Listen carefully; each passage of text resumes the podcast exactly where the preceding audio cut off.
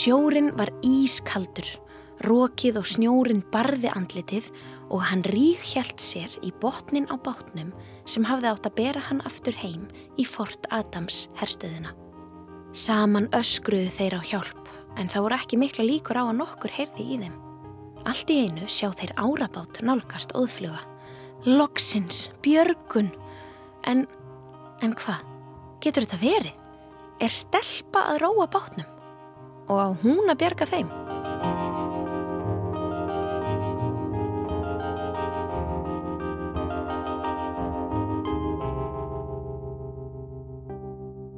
Þetta er sagan af Ídu Lewis, hugrökkustu stelpu Ameríku eins og margir hafa kallað hana. Hún bjó með fjölskyldu sinni á lítilli eigu rétt fyrir utan Newport sem er borg í Rhode Island í Bandaríkjónum. Á eigunni var viti sem lísti í myrkrinu og vísaði skipum og bátum rétta leið inn í höfnina. Hlutverk fjölskyldunar var að passa að ljósið í vitanum sloknaði aldrei. Það var þó ekki það eina sem þau gerðu því Íta og aðrir í fjölskyldunni urðu fræg fyrir að bjarga sæförum úr lífsháska, aftur og aftur. Íta var hugrökk og kraftmikil stelpa sem let ekkert stöðva sig í að vaða út í ískaldan sjóin, stökka upp í bátinn sinn og róa í brjáluðum öldugangi. Ef það væri fólk þarna úti sem þarnast hjálpar, þá myndi ég stíga í bátinn minn og fara til þeirra. Jafnvel þó ég vissi að ég kemist ekki tilbaka. Myndir þú ekki gera sliktið sama? Við skulum byrja aðeins á að skoða hvenar sagan gerist. Ida Valley Soradia Lewis, eða Ida eins og hún var alltaf kölluð, fættist í bandaríkanum um miðja 19. öld árið 1842. Yðnbildingin, svo kallaða, hafði breytt mörgu í samfélaginu og vélar voru farnar að taka við af handablinu og hestum, til dæmis í verksmiðjum og samgöngum. Það var þó ennverið að nýta handablið mikið mun meira enn í dag. Eins og til dæmis á stittir í syklingum, þá rýri fólk bátum með handabli, með tvær árar, hvor í sinni höndinni, lagði þær ofan í vatnið og tókaði sig áfram með þeim. Það þurftu ofta að reyna virkilega mikið á sig til að koma bátnum í öruga höfn þegar vond veður var til sjóferða. Á þessum tíma voru ekki heldur ramagsljósaperur í vitum sem hægt er að stýra í gegnum fjárbúnað og tölfur eins og gert er í dag, heldur þurfti að halda eldinum í óljulampanum lifandi, sama hvað á gekk. Viti er törn eða önnur há bygging, oftast á strönd eða eigu sem sendir frá sér merki til að leiðbeina skipum og öðrum faratækjum. Vitar gefa merki um hættulegar strandlengjur, rif eða sker sem þarf að passa sig á og beina sæfurum öruga leið í næstu höfn. Vitar voru mikið notaður í gamla daga en það lífsnöðsynleir þá til að tryggja öryggi fólks á sjó. Sæfarar fyldust með ljósunni í vitanum og gáttu stýrt skipinu eða bátnum út frá því. Í dag eru vitar ekki jafn nöðsynleir þar sem sjómenn og flugmenn geta nota miklu nákvæmari aðferðir við að finna bestu leiðirnar, eins og GPS-tæki. En þegar tæknin klikkar þá þarf að reyða sig meira á augun og önnur skilningavitt. Þá geta vitar komið sér vel. En aftur á 19. öld. Við erum stödd í strandborginni Newport í Rhode Island. Árið er 1854 og Ida Lewis er 12 ára. Pappi hennar, Hosea Lewis, hefur nýlega fengið starf sem vitavörður á lítelli eigu rétt fyrir utan strönd Newport. Eigan heitir Lime Rock og eina leiðin til að komast tangað er með bát. Þremur árum eftir að pappin tók við starfinu flist öll fjölskyldan á Lime Rock eigu. Stuttu síðar fær pappin heila blóðfall en það er skindileg breyting á heilastarfsemi vegna tröflunar á blóðflæði til heilans. Það gerist oft skindilega og án viðvörunar. Pappi Ítu lamast eftir heila blóðfallið og getur því ekki lengur sint starfinu. Nú þurfa mamman, sem hétt líka Íta Valley, Íta Yngri og sískinni hennar þrjú að taka við skildustarfunum. Eitt mikilvægasta skildustarf vitavarðarins er að halda ljósinu í vitanum logandi. Ljósið var á þessum tíma tendrað á þráð eða kveik sem lá ofan í ólíulampa. Það þurfti að fylla lampan með ólíu við sólsetur, aftur á miðnætti, snirta kveikin, púsa ösku af speiklinum sem varpaði ljósinu út úr vitanum og svo þurfti að slökka á lampanum þegar sólinn kom upp. Ída Lewis sá um þetta kvöld eftir kvöld. Það er friður á þessum kletti sem þú finnur ekki á landi. Það eru hundruður báta sem fara inn og út úr þessari höfn.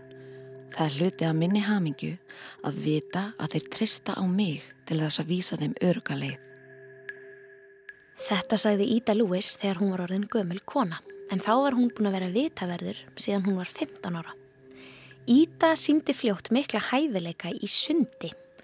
14 ára var hún orðin þekkt á svæðinu sem besti sundkappin í Newport, en það var frekar óvinnilegt á þessum tíma því stelpur á hennar aldri höfðu sjálfnast áhuga á sundi. Hún var einnig frábær róðrarkona lærði af pappa sínum að róa bát og hjælt sér í daglegri æfingu með því að sigla frá Lime Rock yfir til Newport með sískinni sín í skólan og sækja þau aftur að skóladegi loknum. Sískinni hennar voru stolt af henni og sáu að hún var engin venjuleg róðrarkona. Hún virtist hafa ofur krafta. Íta kann að stjórna bát.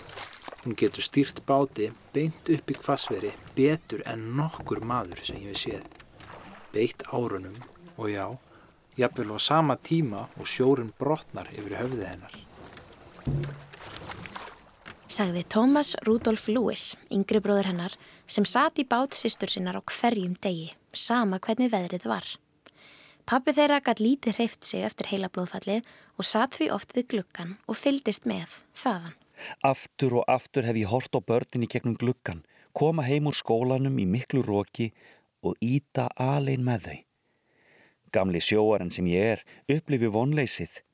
Ég er ekki vissum að ég gæti silt með þau í gegnum slíkan storm. Ó nei. Ég hef hort á þau þangar til ég get ekki hort lengur. Býst við því að sjá þau dreyi niður í vagðarlausar öldurnar á hverri stundu. Ég snúi mér undan og sagt við konuna mína Láttu mig vita ef þau komast heilu og höldnu inn því ég gat ekki hort á þau farast og geta ekkert gert til að bjarga þeim. Ó, þú trúir ekki léttinum þegar hún kallar. Þau hafa komist heilu og höldnu upp á klettin. Það er mikill léttir, get ég sagt þér. Ég hef hort á ítu klippa af sér frostna sokka upp að njám á nöprum vetrardegi.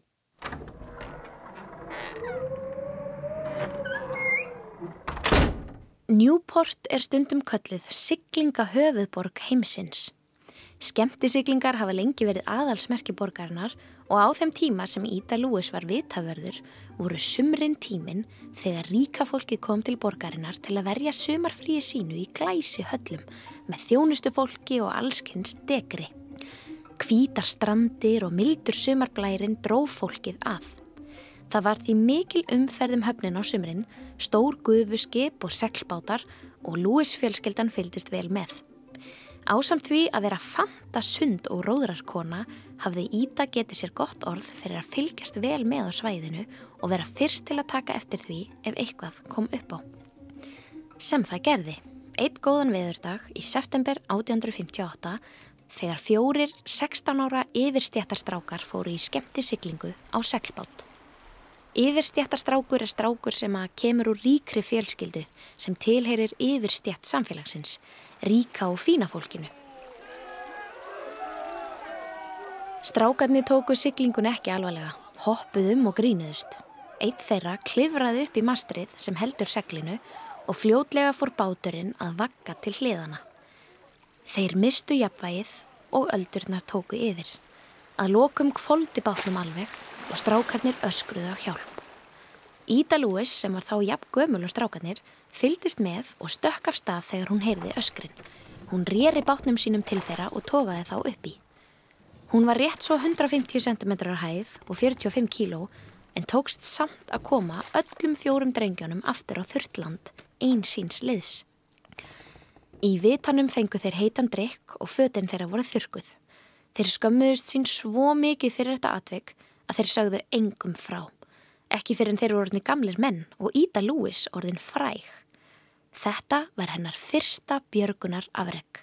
Það var pappi minn sem síndi mér hvernig ég ætti að taka fólk upp í bátinn minn.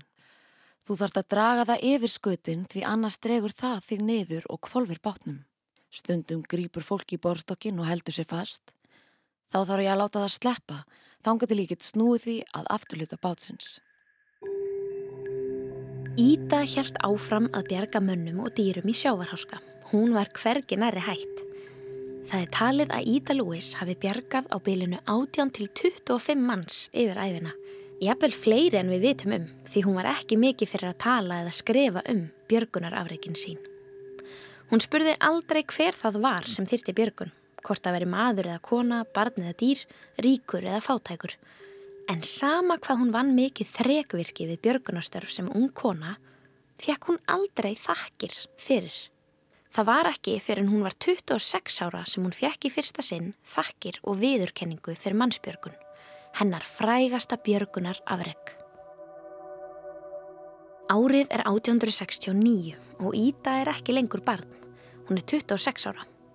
Við strandlengi Newport var á þessum tíma herstöð bandaríska hersins. Það voru margir hermenn við störf og þeir stittu sér oft leið yfir sjóin. Eitt kvöld í mars voru tveir hermenn á heimleið eftir partístand í bænum. Þeir vilja stitta sér leið í herstöðina og eru orðnir of fullir til að róa sjálfur, svo þeir fá 14 ára dreng til þess að róa með sig yfir. Allt í einu rannast upp óveður skí og snjó hríð dýnur á Newport. Það fer að verða mjög vond í sjóin og litli báturinn hendist upp og neyður öldunar. Það endar með því að bátnum kvolvir og hinn 14 ára róðrar maður lendir í sjónum. Hermennir detta líka í sjóin en ná að halda sér í bátinn. Á meðan þetta er að gerast situr Ída Lewis með fæturna í heitu baði og illja sér við opnin. Hún var búin að vera veik, var enn með slæmt kvef og sapnaði kröftum fyrir kvöldvaktina í vitanum. Mamma hennar lítur af gömlum vana út um gluggan og yfir höfnina þar sem hún sér bát á kvolvi og heyrir öskrin í hermönunum. Og Guð Íta, Guð með góður flýtti þeir hluftu. Það er bátur á kvolvi í höfninu og menn er að drukna. Íta þarf ekki að heyra meira, hleypur á staðum leið og er komin hálfa leið út í sjóin og upp í bát áður en hún næra að klæða sig í útifötinn Hún var ekki eins og ný stígvílum eða með húfu. Bróður hennar fylgd henni og fljótlega var Íta farin að róa af öllum mætti. Hún eldi hljóðinn í öskrandi hermönunum. Snjórin landi þau í framann eins og litlar nálar. Þegar hún komst loksað bátnum var hún alveg að missa kraftin í höndunum. Sískininn rifu hermennuna tvo upp úr sjónum og dróðu þá í bátinn. Það var ekki hægt að bjarga unga drengnum því hann hafði nú þegar drauknað. Síðan rýri Íta aftur heim. Hún hafði ekki tíma til að hugsa um hversu þreytt eða köld hún var orðin. Það eina sem hún hugsaði um var að bjarga mönnunum frá ofkælingu. Og, eins og svo oft áður, tókst henni það. Adamans liðþjálfi, sem var annar mannana sem hún hafði bjargað, sagði þetta eftir að hann jafnaði sig. Þegar ég sá bát nálgast og konu róa, hugsaði ég mig sjálfur mér. Hún er bara kona og hún mun aldrei ná til okkar. En fljótlega skipti ég um skoðun. Á þessum tíma hafði fólk ákveðnar hugmyndir um hvað stelpur ætti að gera og hvað strákar ætti að gera. Þær hugmyndir gætu verið enn til staðar hjá einhverjum en almennt segjum við í dag að stelpur og strákar geti gert hvað sem þau vilja, ekki satt. Eitt af því sem stelpur áttu ekki geta gert var að róa bát. Það voru því margir í samfélaginu Newport sem nyggsluðust á ítu, sérstaklega eftir að hún varð fræg fyrir björgunarafreg sín. Þau sögðu að það væri ekki kvenlegt að róa á bát. Þá sagði Íta. Hver sem heldur því fram að það sé ókvenlegt að bjarga lífum hefur heila astnans. Hermennir voru henni mjög þakkláttir fyrir björgununa og gáði henni gull úr í þakkir.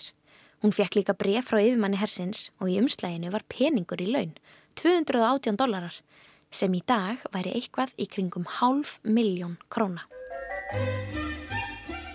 Fjölmiðlar fóru að veita henni aðtegli í kjölfarið og bladamenn voru sendir á eiguna til að taka viðtöl.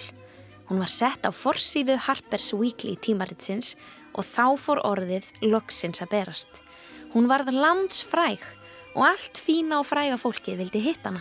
Hún fekk verðlaun, glæni hann árabát, tónlist var samin til heiðursenni, minjagripir voru seldir með nafni hennar á og þúsundir gerðu sér ferð út í Lime Rock til að heimsækja hana. Kvennfrelsis hreyfingin vildi fá hana til liðsvið sig til að sína fram á að konur gætu gert allt, jafnvel og menn. En hún var ekki alveg á því að verða fræg eða fá alla þessa aðtegli. Hún skildi ekki hvers vegna samfélagi gerði svona mikið mál úr þessu. Hún var bara að vinna vinnuna sína.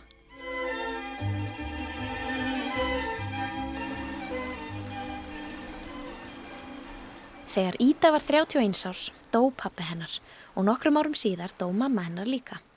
Þá fekk Ída formlega titilinn Vita vörður. Hún var orðin þjóðþægt fyrir hetjudáður sínar og fekk því formlega gegna þessu starfi með hæstu laun nokkurs vitavarðar í bandaríkjónum. Það var alls ekki sjálfsagt að slíkt gerðist á þessum tíma vegna þess að hún var kona og samfélagið samþykti almennt ekki að konur innu það sem þá voru kölluð Karlmanns störf. Íta starfaði sem vitavörður í Lime Rock og hjælt áfram að bjarga mannslífum þanga til hún dó. Hún var þó ekki eina fræga stelpan sem hafði bjarga fólki úr sjávarháska. Ítu var oft líkt við hennar bresku Grace Darling sem hafði, þremur árum áður en Íta fættist, bjargað fimm manns úr skipsflaki rétt hjá vitanum sem pappi hennar gæti. Hún var líka fræg í kjölfarið. Íta hjælt mikið upp á greis og var með mynd af henni í herberginu sínu í Lime Rock. Æska Ítu mótaði hana í hetjuna sem hún varð. Hún þurfti fljótt að venjast því að róa bát og synda í öllum veðrum. Lærði að taka ábyrð á öðrum og sjó með því að fara með sískinni sín í skólan og lendi oft í hættulegum aðstæðum sem kröfðust þess að hún hugsaði hratt. Þó hún fengi aldrei formlega kennslu í að bjarga fólki fyrir utan það sem hún lærði hjá pappa sínum þá er eins og hún hafi haft ótrúlegt sjálfströst og innsægi sem hún gætt fyllt og treyst. Jafnvel þó hún væri kannski pínulítið hrætt. Ída Lewis var sannkvöldluð hetja.